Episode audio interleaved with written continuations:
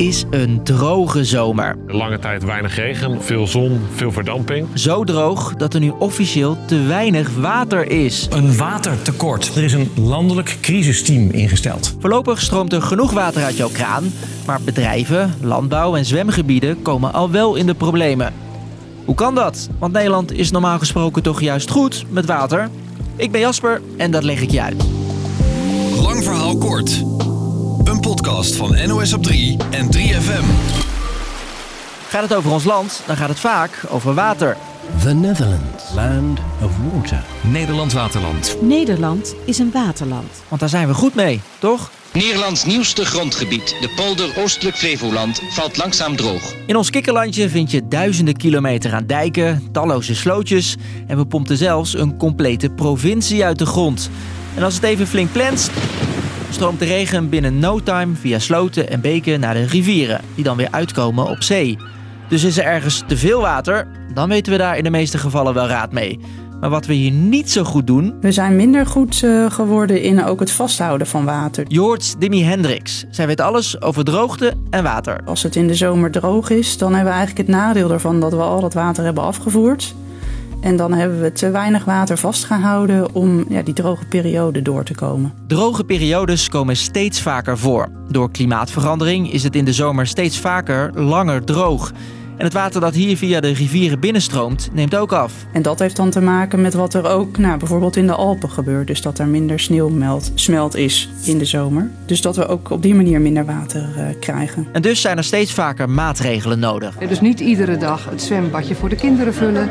eh, niet eh, je auto iedere week wassen. En op plekken waar nog wel water is, worden soms stuwtjes geplaatst, zegt Dimi. Zodat er wat meer water wordt vastgehouden. En eh, als het gaat om de rivieren, dan wordt er gekeken of het water eh, nou ja, beter verdeeld kan worden. Zodat in ieder geval de cruciale watergebruikers eh, niet een tekort eh, krijgen. Maar zulke maatregelen zijn volgens Hendricks in de toekomst niet meer genoeg.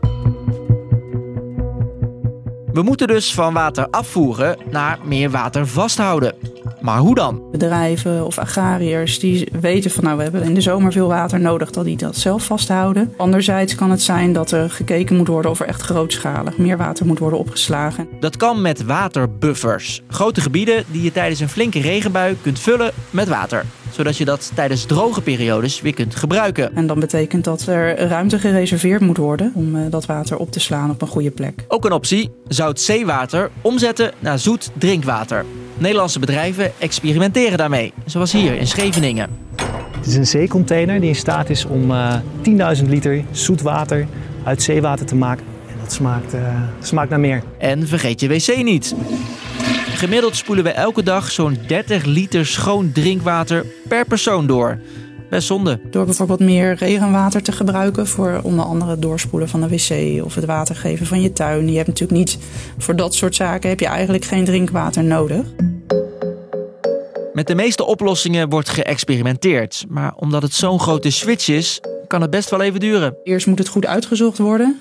En vervolgens moet er gekeken worden van ja, hoe gaan we dat dan ook organiseren in Nederland. En, en wie gaat dat doen en waar. Dus ik, denk dat dat jaren, misschien zelfs eh, nou, ook nog wel eh, tientallen jaren kan duren voordat we dat helemaal eh, aangepast hebben. Waterbuffers hebben een geschikte plek nodig. Zeewater omzetten naar drinkwater kost heel veel energie.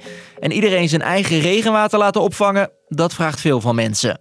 En te veel water vasthouden, dat wil je ook niet. Want door klimaatverandering is het niet alleen vaker droog, maar komen extreme regenbuien ook meer voor. Dan kan je natuurlijk ook hebben dat er, eh, als er opeens wel veel afvoer komt of veel neerslag eh, komt, dat dat, dat, dat dat tot overstromingen leidt. Dus dat wil je natuurlijk niet eh, hebben. Er moet echt goed gekeken worden dat, het niet, dat zo'n oplossing ook niet te veel nadelen met zich meebrengt. Watertekorten zullen dus vaker voorkomen. Maar de oplossing, dat gaat nog even duren. Ik denk als dit vaker gebeurt, ja, dan zal dat wellicht wel versneld worden. En dan zal het misschien ook wel sneller kunnen dan eh, tientallen jaren.